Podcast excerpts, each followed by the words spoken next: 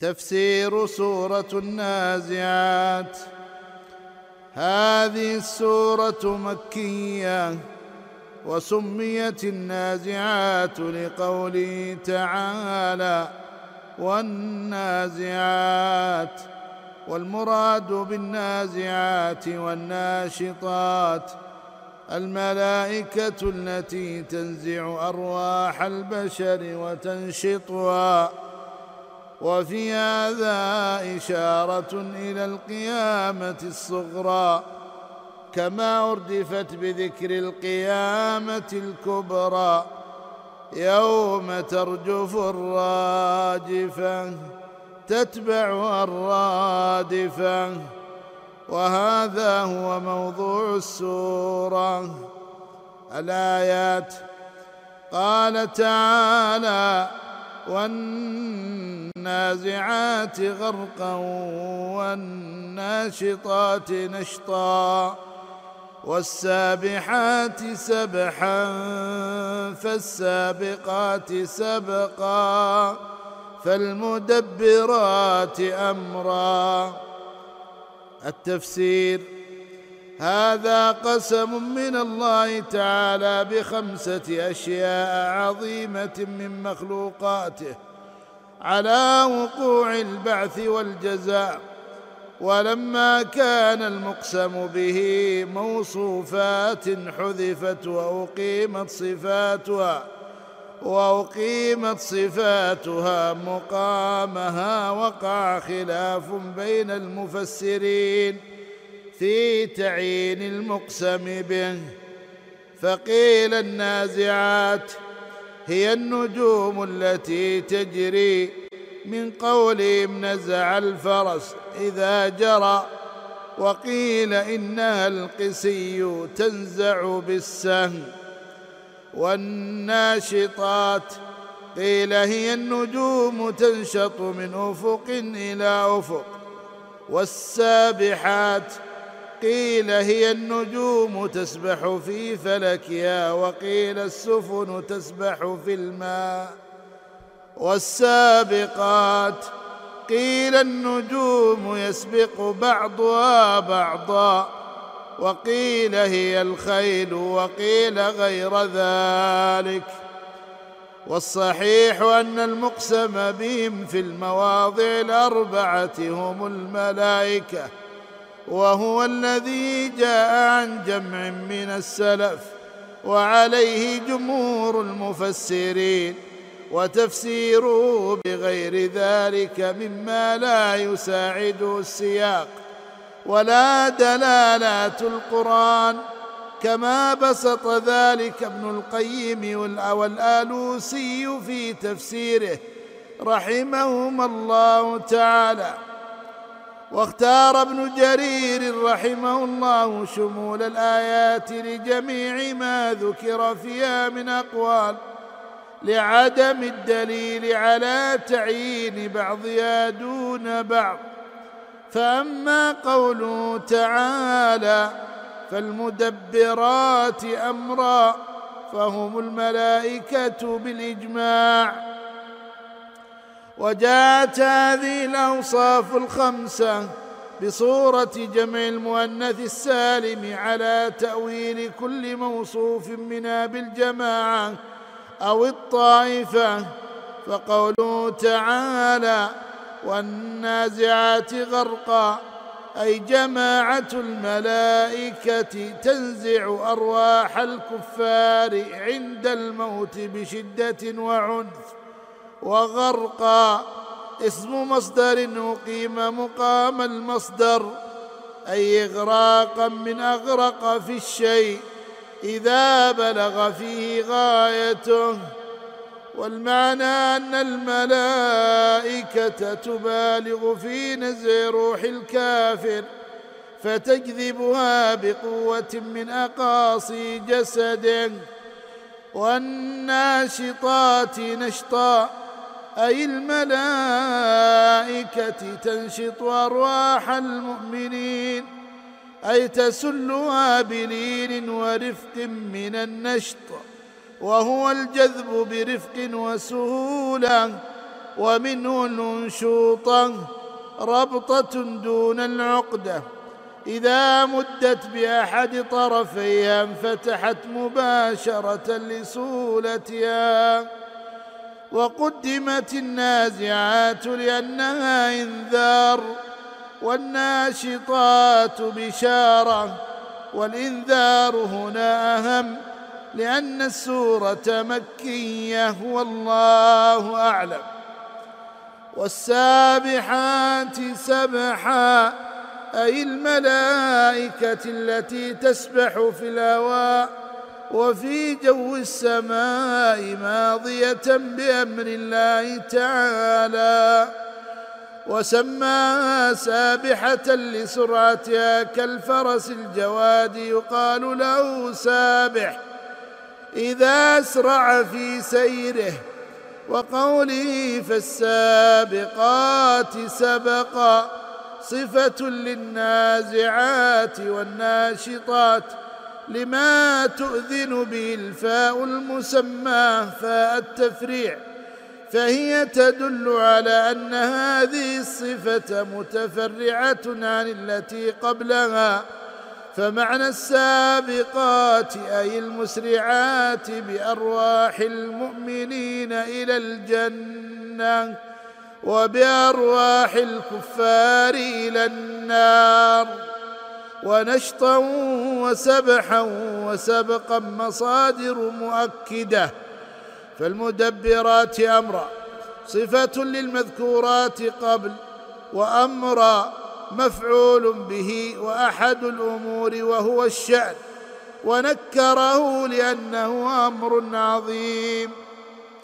ونسبة التدبير إلى الملائكة من باب الإسناد إلى السبب فإن كل ما يكون في هذا العالم فهو بأمر الله وتدبيره. وجواب القسم محذوف. يدل عليه السياق. وهو لتبعثن ثم لتحاسبن. ويدل عليه قوله يوم ترجف الراجفة. وفي هذه الآيات فوائد على أصح الأقوال في الأقسام الخمسة. أن المقسم بهم هم الملائكة. الفوائد والأحكام. اولا إقسامه تعالى بما شاء من ملائكته الموكلين بما شاء من خلقه ففيه عظم شأن الملائكة. ثانيا ثانيا عظم شأن الملائكة. ثالثا أن الملائكة أصناف. رابعا أن منهم الموكلين بقبض أرواح الكافرين. وهم النازعات ملائكة العذاب. والموكلين بقبض أرواح المؤمنين. وهم الناشطات. ملائكة الرحمة. خامسا أن أرواح الكافرين تنزع بشدة. سادسا أن أرواح المؤمنين تنشط بيسر وسوله سابعا التذكير بالموت. ثامنا أن الملائكة تنطلق سبحا بأرواح العباد. وتسبق بها إلى حيث أومر بها. تاسعا الرد على من قال إن الروح عرض. عاشرا أن من صفة الملائكة السبح في ذهابها ومجيئها وصعودها ونزولها بما أعطى الله من قدرة خارقة. فلا تحتاج إلى سبب تتعلق به أو آلة تركبها وهذا ما ما يشعر به معنى السبح ويشبه هذا قوله تعالى كل في فلك يسبحون يعني الليل والنهار والشمس والقمر الحادي عشر. أن من صفات الملائكة السبق وهو يتضمن قدرتهم على السرعة في الذهاب والمجيء والصعود والهبوط. ولعل مما يقرب هذا أن النبي صلى الله عليه وسلم كان يسأل عن الشيء فلا يجيب فما يلبث حتى يأتيه جبريل عليه السلام بالوحي من ربه.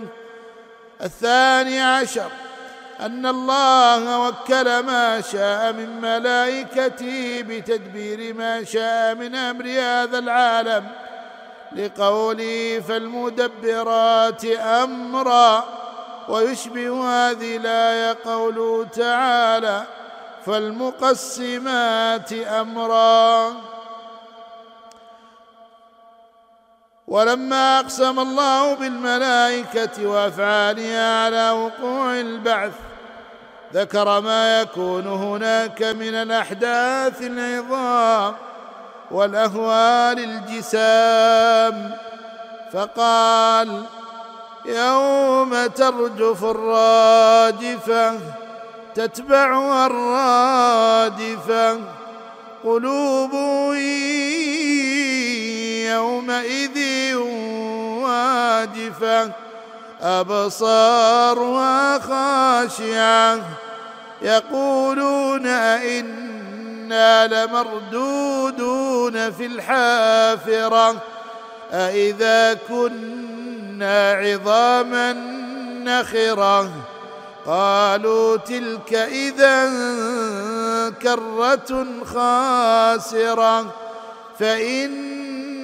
فإنما هي زجرة واحدة فإذا هم بالسائرة التفسير قوله تعالى يوم ترجف الراجفة الظرف يوم منصوب بجواب القسم المحذوف.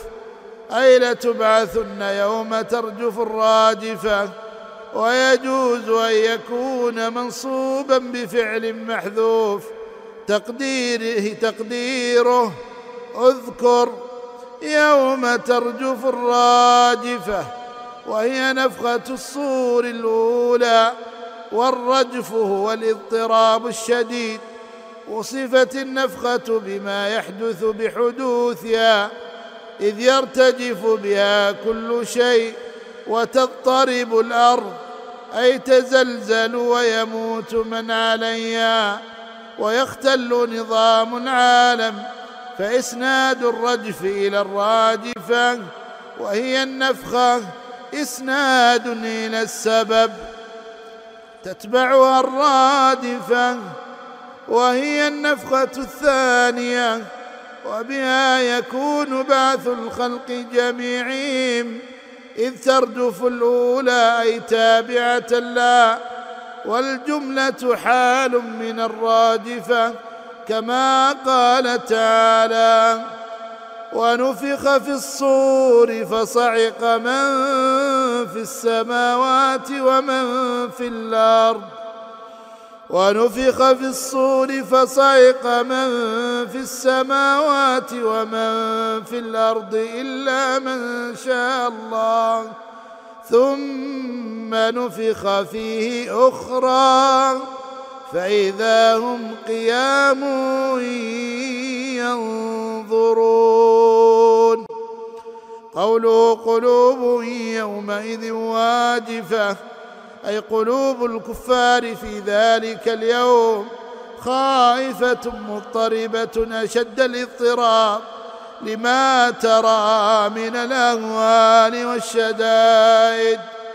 وتنكير قلوب يدل على انها كثيرة ولأن المراد بعض القلوب وهي قلوب الكفار ابصارها خاشعه أي أبصار اصحابها خاشعة أي ذليلة منكسرة وإنما اضاف الذل إلى الأبصار لانها المرآة التي تفصح عما في القلب من ذلة أو غبطة.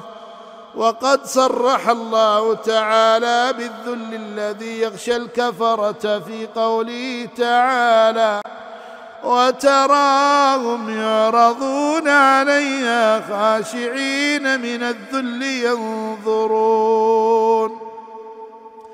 وتراهم يعرضون عليها خاشعين من الذل ينظرون من طرف خفي. ثم حكى الله عن المكذبين شيئا مما كانوا يقولونه في الدنيا. فقال سبحانه يقولون أئنا لمردودون في الحافرة. أي نرد بعد موتنا إلى الحياة؟ وهذا استفهام تعجب وإنكار. وأصل الحافرة الطريق. يقال رجع فلان في حافرته. أي في طريقه التي جاء منها فحفرت فيها قدماه بالمشي. فالحافرة على هذا بمعنى محفورة كقوله تعالى فهو في عيشة راضية. ثم صار هذا التعبير كناية عن الرجوع إلى الأحوال التي كان عليها الإنسان. أإذا كنا عظاما نخرة أي بالية وهذا تأكيد للإنكار السابق. يتضمن, يتضمن ذكر سبب التعجب والاستبعاد. المعنى يقولون أنرد أحياء بعد أن متنا وبليت عظامنا. قالوا تلك أي الرجعة. إذا كره رجعة. خاسرة لتكذيبنا بها والمعنى أنهم من أهل النار ويحتمل أن يكون هذا منهم استهزاء. قال الله تعالى ردا عليهم فإنما هي زجرة واحدة الفاء للتفريع على محذوف أي لا تستبعدوا ذلك وتظنوا عسيرا علينا. فإنما هي أي القصة والشأن زجرة واحدة أي صيحة وهي نفخة البعث وتنكير النفخة يدل على عظمتها ووصفها بواحدة تأكيد لإفادة الواحدة. ووصفها بواحدة تأكيد لإفادة الوحدة. فإذا هم بالسائرة أي على وجه الأرض أحياء بعد أن كانوا في جوفها. والساهرة الأرض البيضاء المستوية سميت بذلك لمنام الخلق وسهرهم عليها. أو لأن سالكها لا ينام خوف الهلكة والتسمية لأدنى ملابسة الفوائد والأحكام. أولاً أن من الأحداث العظيمة يوم القيامة الراجفة والرادفة. وهما النفختان نفخة الصعق وحينها ترجف الأرض. ونفخة البعث.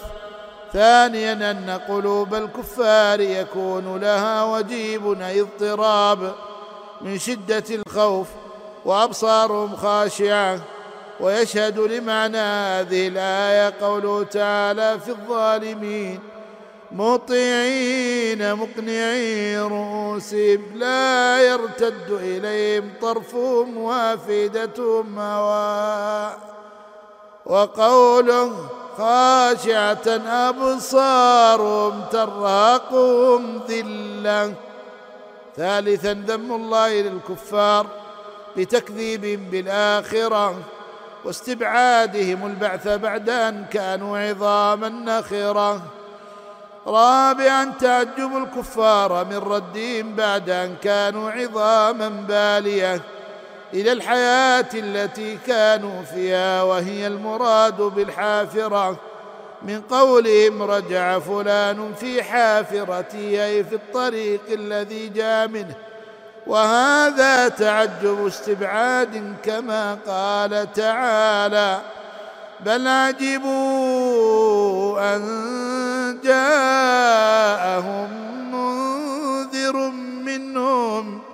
فقال الكافرون هذا شيء عجيب.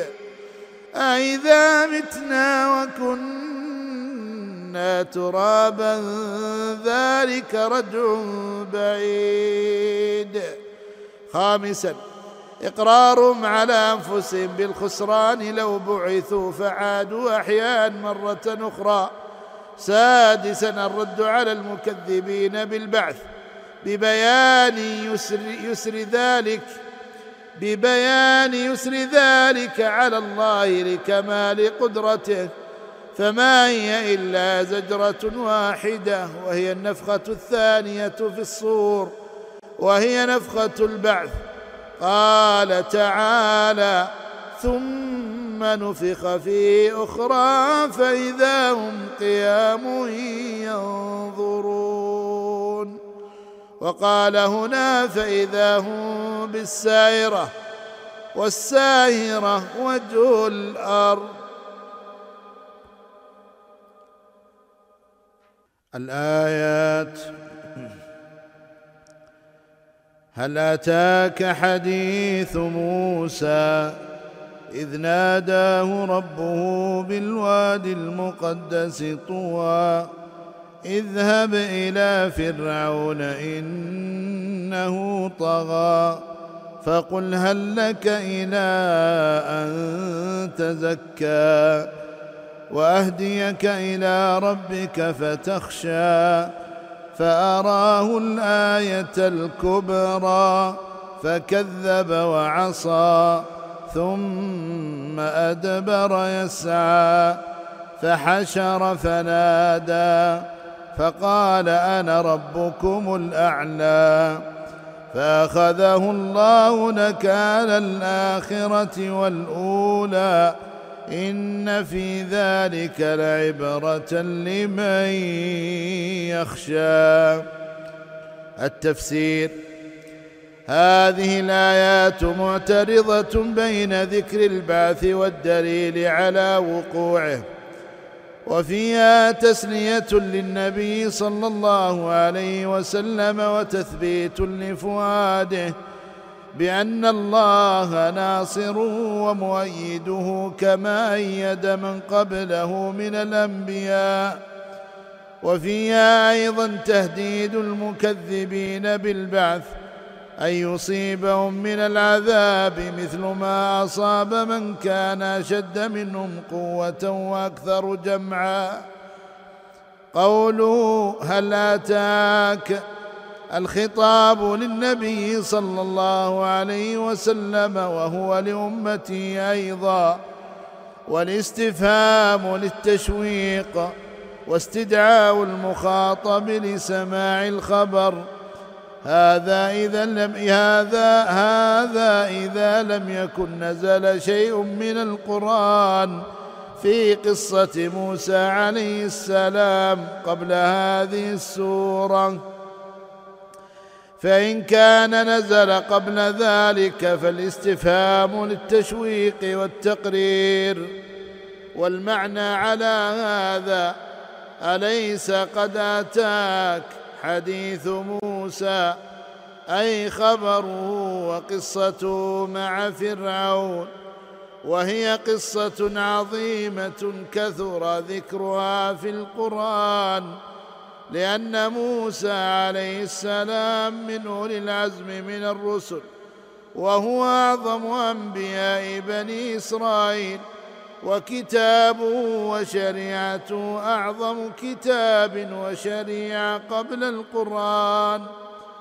وكان حول المدينة ثلاث طوائف من اليهود من بني إسرائيل في عهد النبي صلى الله عليه وسلم. وهم بنو قينقاع وبنو النضير وبنو قريظة. فاقتضى الحال تكرار القصة لإقامة الحجة عليهم بتذكيرهم بنعم الله عليهم وإهلاك عدوهم فرعون. إلى غير ذلك من العبر وجاءت القصة في هذه السورة موجزة. لأن الغاية منها العظة بإلاك فرعون لتكذيبه إذ أي حين ناداه ربه بالوادي المقدس المطهر طوى عطف بيان وهذا اسم الوادي وهو بأسفل جبل الطور في الجنوب الغربي لسيناء. وجعله الله مقدسا لأن الله أوحى فيه إلى موسى كما قيل. ويحتمل أنه كان مقدسا ومباركا قبل ذلك ولهذا اختاره الله لتكليم موسى لتكليم موسى عليه وتكليفه بالرسالة إلى فرعون. ولعل ذلك أولى لأن الله خاطب موسى بقوله إنك بالوادي المقدس طوى وطوى بالتن وطوى بالتنوين مصروفا على أنه اسم الوادي فهو مذكر سمي به مذكر. هذا على قراءة ابن عامر وعاصم وحمزة والكسائي وقرأه الباقون بلا تنوين ممنوعا من الصرف للعلمية والت... للعل... للعلمية والتأنيث. على تأويل الوادي بالبقعة اذهب إلى فرعون إنه طغى.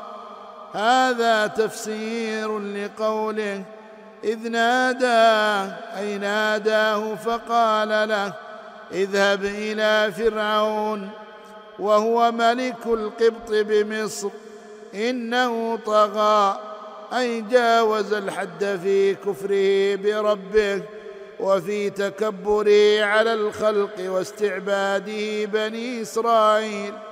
فقل يا موسى له هل لك إلى أن تزكى الجار والمجرور في قوله هل لك؟ خبر لمبتدأ محذوف. تقديره هل لك إحدى التائين تخفيفا أي تتطهر من دنس الكفر والطغيان. وتتحلى بزينة الإيمان. وأهديك إلى ربك أي أدلك إلى معرفته وعبادته. فتخشى أي تخاف وتتقيه والفاء للتفريع. لأن الخشية لا تكون إلا مع العلم وهي ملاك الأمر. ومن خشي الله أتى منه كل خير.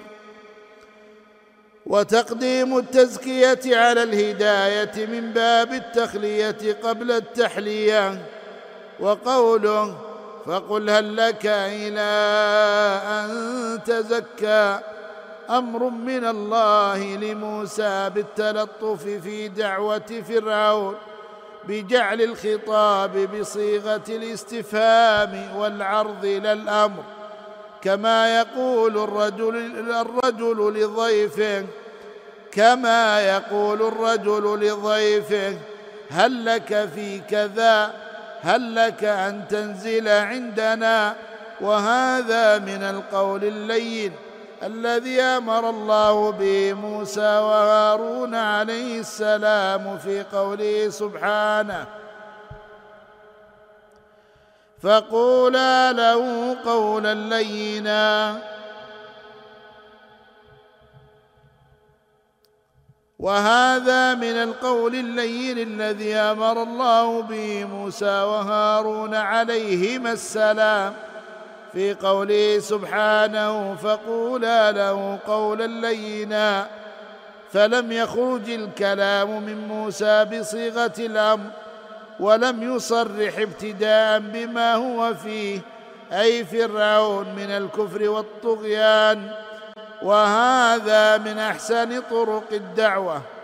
حتى إذا ظهر عناد فرعون أغلظ له موسى في القول كما قال تعالى عنه وإني لأظنك يا فرعون مثبورا. فأراه الآية الكبرى الفاء عاطفة على محذوف معلوم من الآيات الأخرى والمعنى فذهب إليه فدعاه فطلب منه آية. فأراه الآية الكبرى أي كبرى آيات موسى وهي العصا وهذا من إيجاز الحذف وهو كثير في القرآن ومنه قوله تعالى أنا أنبئكم بتاويله فأرسلون. يوسف أيها الصديق أفتنا. أي فأرسلوه فجاءه فقال يا يوسف إلى آخره. وسماها الله آية لأنها علامة دالة لأنها علامة دالة على صدق نبوة موسى. كما سماها برهانا في قوله سبحانه فذلك برهانان من ربك إلى فرعون وملئه. فكذب وعصى أي فكذب فرعون موسى وقال إنه ساحر وعصاه فيما دعا إليه وعصى أمر ربه عز وجل كما قال تعالى كما أرسلنا إلى فرعون رسولا فعصى فرعون الرسول فأخذناه أخذا وبيلا. ثم أدبر يسعى أي ترك مجلسه ساعيا في جمع جنوده لمعارضة الآية أو فارا مرعوبا من الثعبان العظيم. واتى بثم لأن معارضة الآية وتدبير المكايد يقتضي زمنا. خلافا للتكذيب فقد وقع مباشرة ولذلك عطفه بالفاء. ويحتمل أن يراد بالإدبار معناه المعنوي أي تولى عن الإيمان لأنه قال قبل ذلك فكذب وعصى وبعده فحشر فنادى ولا مانع من حمل الآية على المعنيين والله أعلم. وقوله فحشر أي وجمع السحرة لمغالبة موسى وجمع أتباعه وجنوده لشهود الموقف بهم. كما قال سبحانه فتولى فرعون فجمع كيده ثم أتى. وقال فجمع السحرة لميقات يوم معلوم. وقيل للناس هل أنتم مجتمعون؟ لعلنا نتبع السحرة إن كانوا هم الغالبين. قوله فنادى أي في الجموع قائلا أنا ربكم الأعلى أي لا رب لكم فوقي والفاء. في فقال هي التفسيرية لأن في قوله فنادى إيهاما وإجمالا وما بعده تفصيل وتفسير له. ولما جاء فرعون بهذا الكفر العظيم والاستكبار أخذه الله بالعذاب فقال سبحانه فأخذه الله نكال الآخرة والأولى. النكال بمعنى التنكيل وهو التعذيب. كالسلام بمعنى التسليم وهو مصدر مؤكد من معنى الفعل أخذ. مبين للنوع أي نكله الله نكال الآخرة والأولى. أي عقوبة الدنيا والآخرة وإضافة النكال إلى الدنيا والآخرة من إضافة المصدر إلى زمنه ونكال الدنيا بالغرق والآخرة بالحرق. كما قال سبحانه حتى إذا أدركه الغرق قال آمنت أنه لا إله إلا الذي آمنت به بنو إسرائيل. حتى إذا أدركه الغرق قال آمنت أنه لا إله إلا الذي آمنت به بنو إسرائيل. وأنا من المسلمين. وقال تعالى يقدم قومه يوم القيامة فأوردهم النار وبئس الورد المورود. وتقديم الآخرة على الدنيا مراعاة لرؤوس الآي. وقيل المراد بالآخرة والأولى كلمة فرعون والأولى قوله وقال فرعون يا أيها الملأ ما علمت لكم من إله غيري والآخرة قوله وأنا ربكم الأعلى فالآخرة والأولى صفتان لمحذوف أي الكلمة الآخرة والكلمة الأولى. وإضافة النكال إلى ما بعده من إضافة المسبب إلى سببه. فإن كل واحدة من الكلمتين سبب لما أضيف إليه من النكال. والمعنى على هذا عذبه الله عذابا بالغا يعتبر به من بعده. بسبب كلمتي القبيحتين الآخرة والأولى.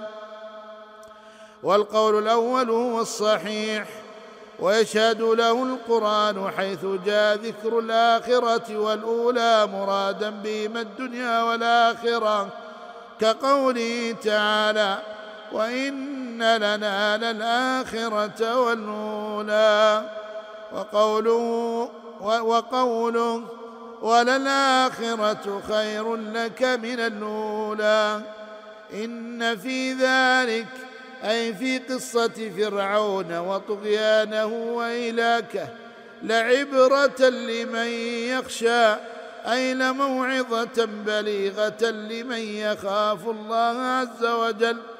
كما قال تعالى سيذكر من يخشى. وقال تعالى إنما تنذر الذين يخشون ربهم بالغيب وأقاموا الصلاة. الفوائد والأحكام. اولا عظم شأن قصة موسى مع فرعون. فقد ثنيت في القرآن أكثر من غيرها. ثانيا التشابه بين الرسولين. موسى ومحمد عليهما الصلاة والسلام وذلك من وجوه الأول صبرهما على هذا الخلق ولذا كانا من أولي العزم. الثاني التشابه بين الشريعتين والكتابين التوراة والقرآن ولذا يقرن الله بينهما في الذكر في مواضع من القرآن. كقوله تعالى قل من أنزل الكتاب الذي جاء به موسى إلى قوله وهذا كتاب أنزلناه مبارك مصدق الذي بين يديه وقوله ثم آتينا موسى الكتاب تماما على الذي أحسن إلى قوله وهذا كتاب أنزلناه مبارك فاتبعوه فاتبعوه واتقوا لعلكم ترحمون. الثالث كثرة أتباعهما كما في حديث عرض الأمم على النبي صلى الله عليه وسلم. الرابع ما جاء في قصة المعراج من مشورة موسى عليه الصلاة والسلام للنبي صلى الله عليه وسلم بطلب التخفيف في فرض الصلوات. ثالثا صفة إرسال موسى إلى فرعون وما تضمنه ذلك من أمور عظيمة.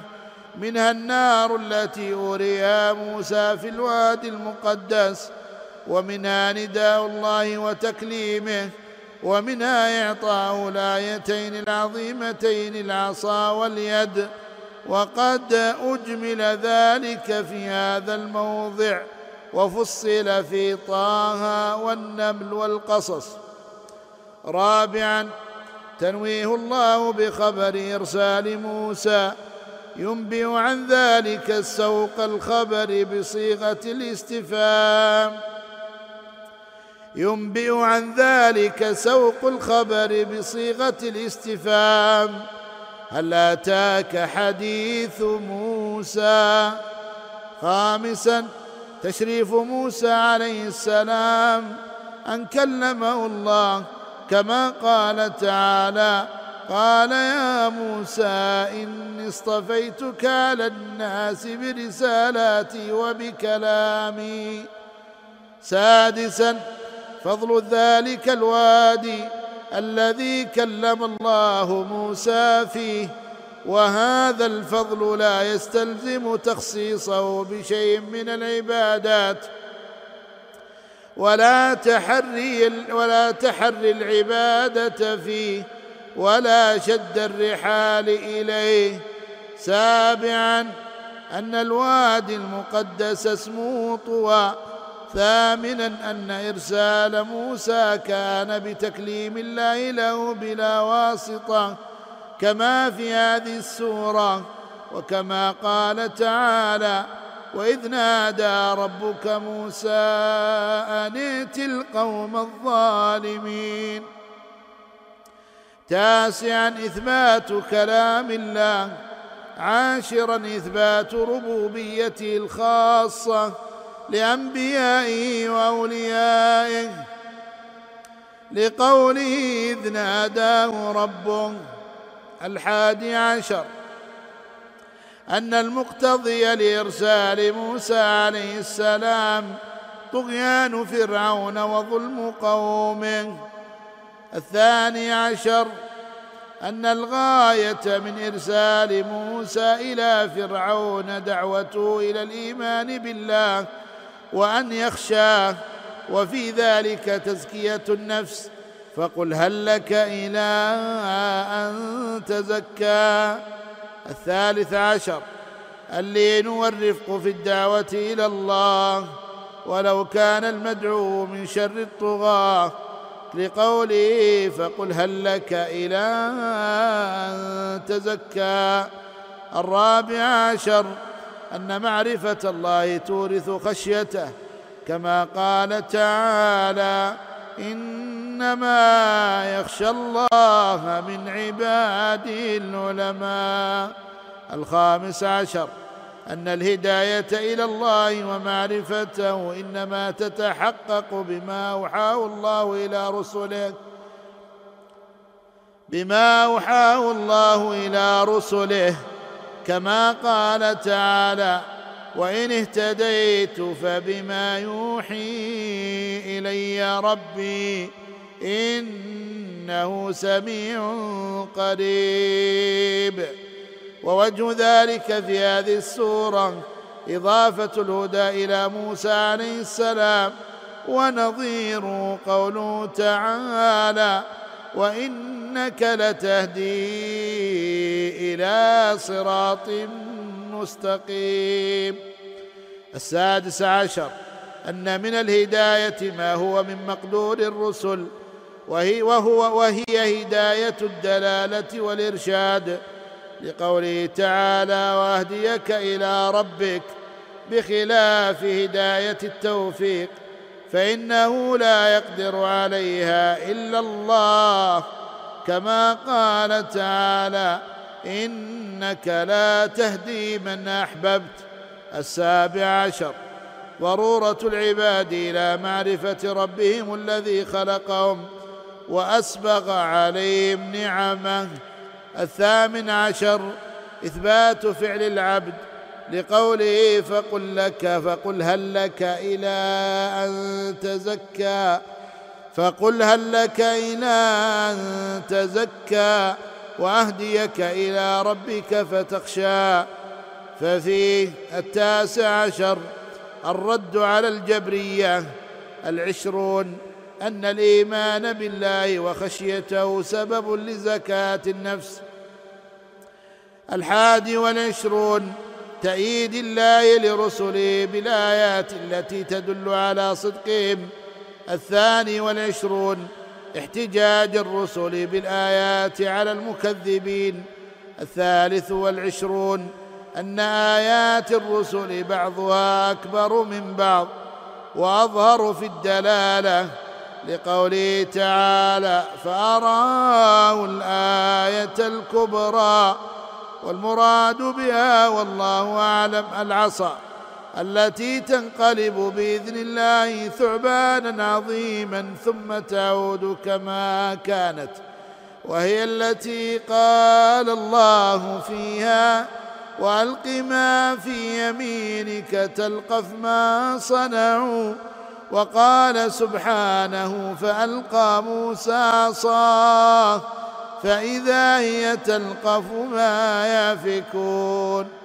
الرابع والعشرون أن فرعون لم ينتفع بما رأى من الآية الكبرى بل كذب وعصى وكان تكذيبه جحودا مع استيقانه بصدق موسى.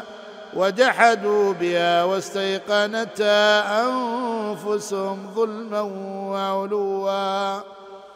الخامس والعشرون أن الكافر يعاقب على ما يأتي من معاصي الله لقوله فكذب وعصى. السادس والعشرون أن فرعون لم يزدد مع ما رأى من الآيات إلا طغيانا واستكبارا. لقوله فحشر فنادى فقال أنا ربكم الأعلى السابع والعشرون استخفافه بقومه وسفاتهم إذا طاعوا وصدقوه الثامن والعشرون سوء عاقبة التكذيب والعصيان والاستكبار التاسع والعشرون أخذ الله لفرعون بالعقاب العاجل والآجل نكال الآخرة والأولى الدنيا والآخرة. وقيل بكلمتيه وهما قوله ما علمت لكم من إله غيري وقوله أنا ربكم الأعلى الثلاثون أن في أخذ الله لفرعون عبرة للمعتبرين وهم الذين يخشون الله ويخافون عذابه. الحادي والثلاثون وفي جملة القصة تسلية للنبي صلى الله عليه وسلم وتهدئه لقلبه. وفيها أيضا الثاني والثلاثون تهديد لمن كفر بالنبي عليه الصلاة والسلام. كما قال تعالى انا ارسلنا اليكم رسولا شاهدا عليكم كما ارسلنا إلى فرعون رسولا فعصى فرعون الرسول فاخذناه اخذا وبيلا ولما أخبر عن فرعون وبين سوء عاقبته وجه الخطاب إلى منكر البعث من كفار مكة وغيرهم مبينا يسر البعث عليه عز وجل مستدلا بخلق السماوات والأرض فقال سبحانه أأنتم أشد خلقا أم السماء؟ بناها رفع سمكها فسواها واغطش ليلها وأخرج ضحاها والأرض بعد ذلك دحاها. أخرج منها ماءها ومرعاها والجبال أرساها. متاعا لكم ولأنعامكم. التفسير قوله وأنتم أشد خلقا أي أصعب خلقا في تقديركم أم السماء والاستفهام للتقرير والتوبيخ أي بل السماء أشد خلقا منكم. فمن, فمن قدر على الأشد فمن قدر على الاشد فكيف يعجزه الأيسر؟ وهو بعثكم وحشركم. قال تعالى أوليس الذي خلق السماوات والأرض بقادر بقادر على أن يخلق مثلهم؟ بلى وهو الخلاق العليم. وقوله وأنتم مبتدأ وأشد خبره خلقا منصوب على التمييز والسماء عطف على أنتم وحذف خبره لدلالة خبر أنتم عليه أي أيام السماء وأشد خلقا ويحسن الوقوف على السماء لتمام الكلام ثم يستأنف بناها ونظيره قوله تعالى في الزخرف وقالوا آلهتنا خير؟ أم هو ما ضربوه لك إلا جدلا بل هم قوم خصمون؟ وقوله بناها أي السماء ثم فسر ونظير قوله تعالى في الزخرف وقوله وقالوا وقالوا آلهتنا خير أم هو؟ ما ضربوا لك إلا جدلا بل هم قوم خصمون.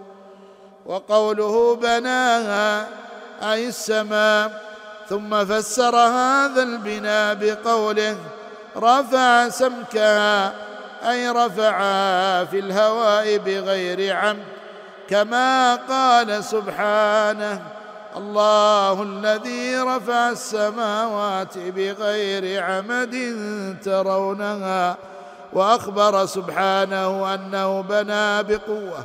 فقال تعالى والسماء بنيناها بأيد وإنا لموسعون. وقولوا فسواها أي جعلها مستويا معتدلة الأجزاء. وأحكم خلقها فلا فطور فيها ولا تفاوت. وأغطش ليلها أي جعله مظلما وأخرج ضحاها أي أبرز نهارها. وعبر بالضحى لأنه أكمل أجزاء النهار. وفيه يتجلى سلطان الشمس. ولهذا أقسم الله به كما قال تعالى والضحى وأضاف الليل والضحى إلى السماء لأن الليل والنهار يبدوان من جهة السماء والأرض منصوبة على الاشتغال دحاها أي بسطها وهياها للسكنى وقوله بعد ذلك يشعر أن خلق الأرض كان بعد السماء وبهذا يكون بين هذه الآية. وآية فصلت تعارض في الظاهر فإنه تعالى بعد ذكر خلق الأرض في بعد في أربعة أيام. فإنه تعالى بعد ذكر خلقه الأرض في أربعة أيام قال ثم استوى إلى السماء وهي دخان. فقال لها وللأرض ائتيا طوعا أو كرها. قالتا أتينا طائعين. والجمع بين الآيتين أن الله خلق الأرض اولا غير مدحوة ثم خلق السماء ثانية ثم دحى الأرض بعد ذلك.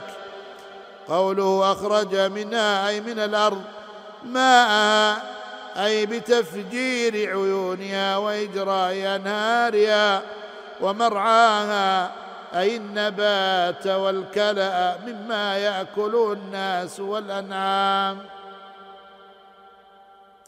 وفي الآية إيجاز بديع فهي من جوامع الكلم إذا إذا إذ, إذ اشتملت إذ اشتملت على كل ما يتمتع به الناس والأنعام والجبال أرساها أي ثبتها وثقل بها الأرض لئلا تميد بأهلها متاعا لكم ولأنعامكم. أي فعلنا ذلك كله لأجل أن تتمتعوا به أنتم وأنعامكم. جمع نعم جمع نعم وهي الإبل والبقر والغنم. الفوائد والأحكام. أولا تكذيب المكذبين بالبعث. ثانيا الاحتجاج أولا توبيخ المكذبين بالبعث. ثانيا الاحتجاج عليهم بخلق السماوات والأرض. ثالثا أن خلق السماوات والأرض أشد من خلقهم وأعظم. كما قال تعالى لخلق السماوات والأرض أكبر من خلق الناس. رابعا إثبات قياس الأولى. ووجهه أن القادر على الأعظم والأشد هو على ما دونه أقدر وذلك باعتبار نظر العقل المجرد وإلا فنسبة الأشياء إلى قدرة الله واحدة فهو على كل شيء قدير وليس هو على شيء أقدر منه على شيء آخر. خامسا أنه تعالى خالق السماوات والأرض والليل والنار سادسا إضافة فعل البناء إلى الله وهو رفع الشيء فوق الشيء. ولهذا جاء البناء متعلقا بالسماء وسمى الله السماء بناء. سابعا أن الليل والنهار من الآيات السماوية. لأن آيتيهما الشمس والقمر ثامنا أن الله هو الذي جعل الليل ظلاما والنهار ضياء ويذهب بهذا ويأتي بذاك. تاسعا أن الله بسط الأرض وأودع فيها منافعها وبارك فيها. عاشرا أن دحو الأرض بعد خلق السماء. الحادي عشر أن من بركات الأرض ما يخرجه الله للعباد من الماء والمرعى لهم ولدوابهم مما للعباد فيه تسبب, تسبب أو لم يكن. الثاني عشر أن من آيات الله العظيمة الجبال التي خلقها الله وأرسى لتستقر بها الأرض. الثالث عشر أن الحكمة من دحو الأرض وإرساء الجبال أن يكون في ذلك متاع للناس ولأنعامهم. الرابع عشر أن الناس شركاء في الماء والكلى إلا ما يحوزه الإنسان في بيته ووعائه. الخامس عشر الإشارة إلى إحياء الأرض بعد موتها وهو من أدلة البعث وذلك في قوله أخرج منها ماءها ومرعاها. ولما ذكر الله عباده بمخلوقاته العظيمه الدالة على كمال قدرته وما امتن به عليهم من النعم. شرع في بيان أحوال معادهم الحتم فقال سبحانه فإذا جاءت الطامة الكبرى يوم يتذكر الإنسان ما سعى وبرزت الجحيم لمن يرى. فأما من طغى وآثر الحياة الدنيا فإن الجحيم هي المأوى. وأما من خاف مقام ربه ونهى النفس عن الهوى فإن الجنة هي المأوى. التفسير فإذا جاءت الطامة الكبرى أي الداهية التي تطم أي تعلو على الدواهي وتغلبها وهي يوم القيامة أو الساعة كما قال سبحانه بل الساعة موعدهم والساعة أدى وأمر. ووصفها بالكبرى تعظيما لها أي لا مثيل لها. ووصفت القيامة أيضا بالواقعة والصاخة والقارعة. وتعدد الأوصاف وتعدد الأوصاف يزيد في عظمة الموصوف وجواب إذا محذوف تقديره وقع ما لا يوصف من الأهوال. يوم يتذكر الإنسان أي جميع الإنسان فأل جنسية للاستغراق الحقيقي. ما سعى أي سعيه وعمله من خير وشر في الدنيا. والمقصود يتذك بتذكره والمقصود بتذكره. أن أن يعرض عليه مدونا في صحيفة أعماله. والمقصود أثر ذلك وهو الجزاء. والمقصود أثر ذلك وهو الجزاء. كما قال سبحانه اقرأ كتابك كفى بنفسك اليوم عليك حسيبا. وبرزت الجحيم أي أظهرت جهنم لمن يرى. لكل مبصر مؤمنا كان أو كافرا فيرونها عيانا. وقد ثبت عنه صلى الله عليه وسلم أنه قال يؤتى بجهنم يومئذ لها سبعون ألف زمام.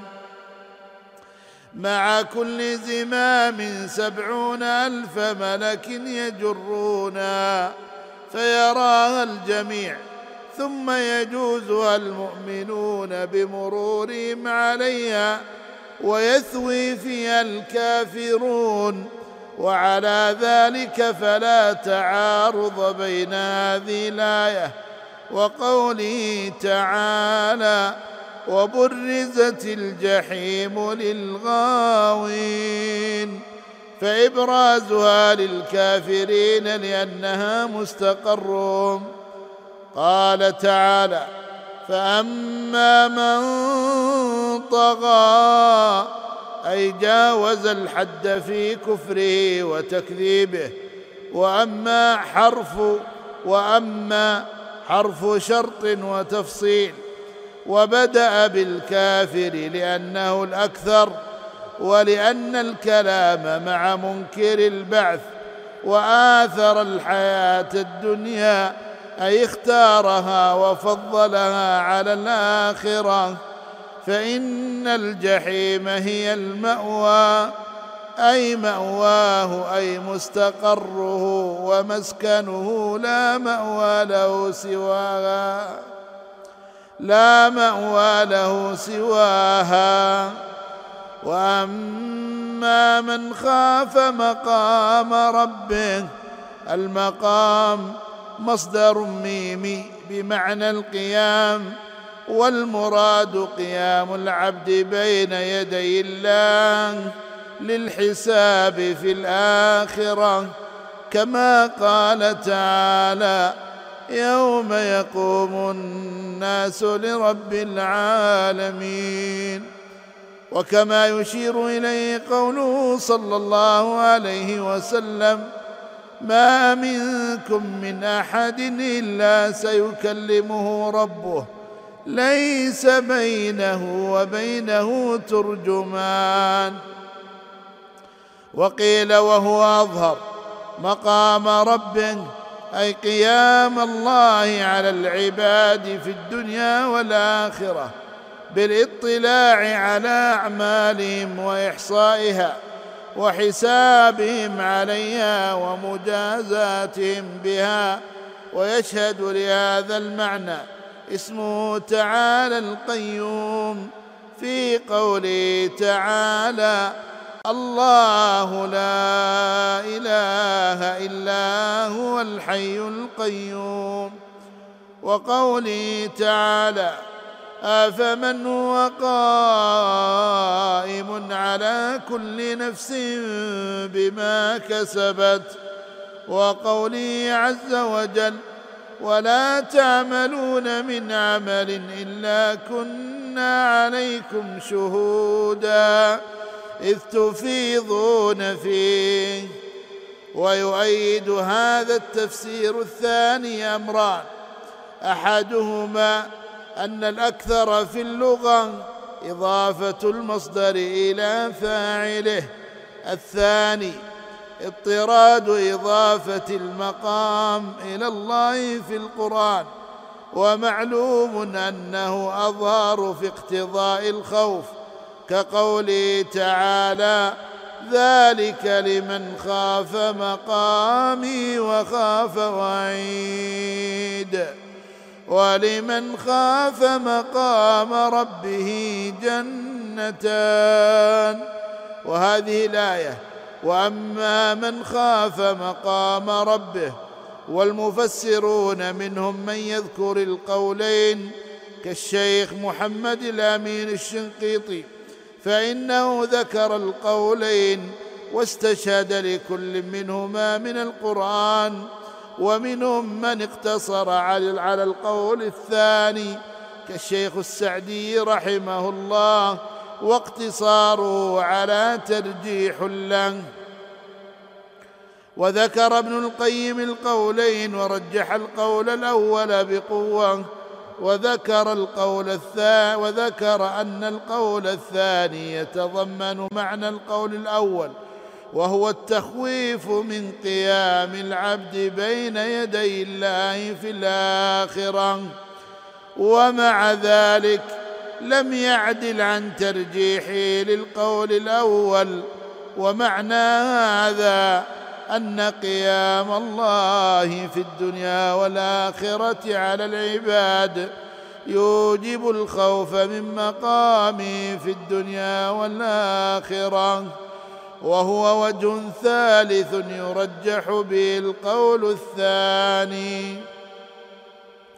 وعلى هذا فكل من القولين صحيح ولا يمتنع أن يكون كلا من القولين مرادا. أن يكون كل من القولين مرادا والله أعلم. ونهى النفس عن الهوى أي زجرها عن الأهواء الفاسدة والشهوات فإن الجنة هي المأوى. أي ماواه الفوائد والأحكام. اولا أن من أسماء القيامة الطامة وسميت بذلك لأنها طمت على كل شدة وعلت عليها واضمحلت في عظيم شدتها الشدائد ولهذا وصفها بالكبرى. ثانيا التخويف من ذلك اليوم والحث على الاستعداد له. ثالثا أن يوم القيامة يوم تذكر الإنسان لسعيه. تذكرا لا يجدي رابعا إبراز جهنم لأهل الموقف خامسا أن من أسماء النار الجحيم سادسا إثبات الجنة والنار سابعا أن الطغيان وإيثار الدنيا سبب لدخول النار ثامنا أن العلو في الأرض وإيثار الدنيا هما سبب الشقاء الدائم. تاسعا أن الخوف من المقام أن الخوف من المقام بين يدي الله ونهي النفس عن الهوى جماع أسباب دخول الجنة. عاشرا أن أتباع الهوى جماع الشر أن اتباع الهوى جماع الشر. عاشرا أن اتباع الهوى جماع الشر. الحادي عشر أن خوف الله جماع الخير. الثاني عشر أن عدم الخوف من الله واتباع الهوى منشأ الطغيان وإيثار الدنيا. وأن الخوف من الله أعظم مانع من ذلك. وأن الخوف من الله أعظم مانع من ذلك. كان المشركون يسألون النبي صلى الله عليه وسلم عن وقت القيامة على سبيل الاستهزاء فقال تعالى يسألونك عن الساعة أيان مرساها فيما أنت من ذكراها إلى ربك منتهاها إنما أنت منذر من يخشاها كأنهم يوم يرونها لم يلبثوا إلا عشية أو ضحاها. التفسير قوله تعالى يسألونك عن الساعة أيان مرساها أي متى وقت إرسائها وقيامها وفي اللفظ استعارة. شبهت الساعة بسفينة بجامع المجيء وبلوغ المنتهى في كل منهما ثم حذف المشبه به ورمز له ببعض خصائصه وهو المرسى. وإيثار المضارع يسألونك للدلالة على تكرر السؤال منهم. وسميت القيامة ساعة لانها تفجا تفجأ الناس بغتة أو لأنها تقع في ساعة من الزمان. وأقل ما يصدق عليه اسم الساعة اللحظة ونحوها. قال تعالى وما أمر الساعة إلا كلمح البصر. وقال تعالى وما أمرنا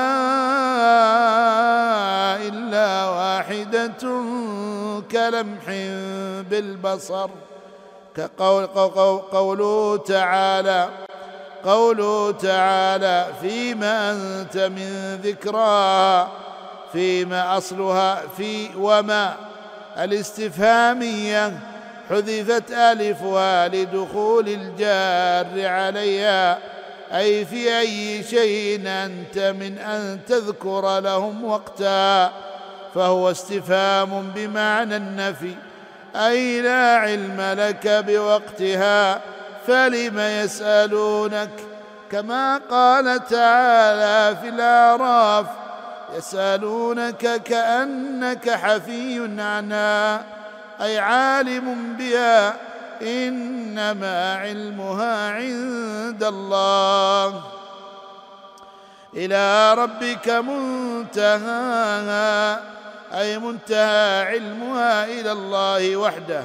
فلا أحد يعلمها سواه سبحانه.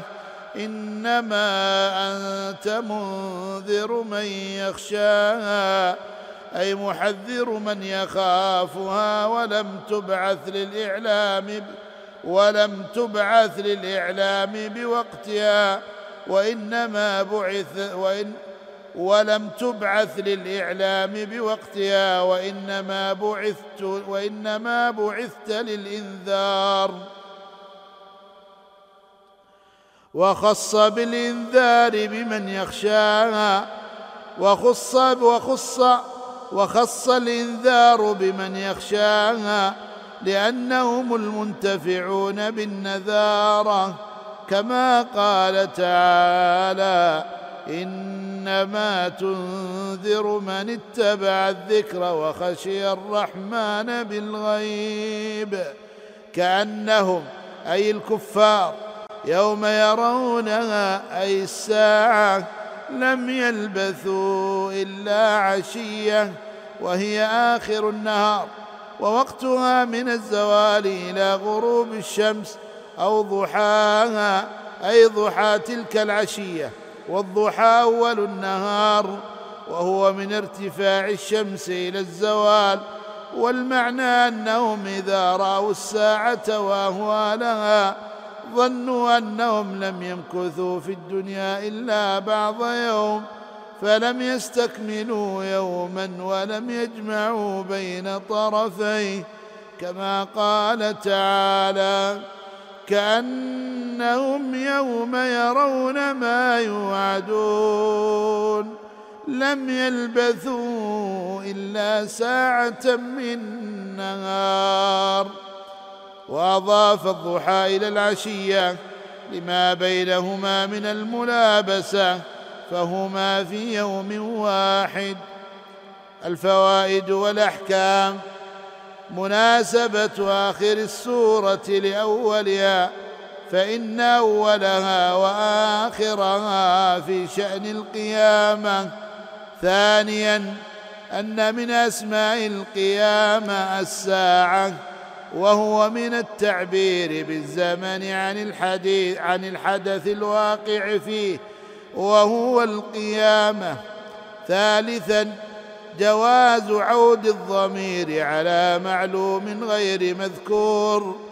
فالسائلون عنها هم الكفار.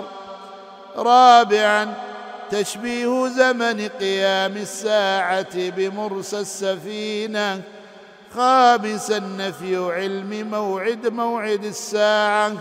عن النبي صلى الله عليه وسلم فهو لا يذكرها في نفسه ولا يذكرها لغيره.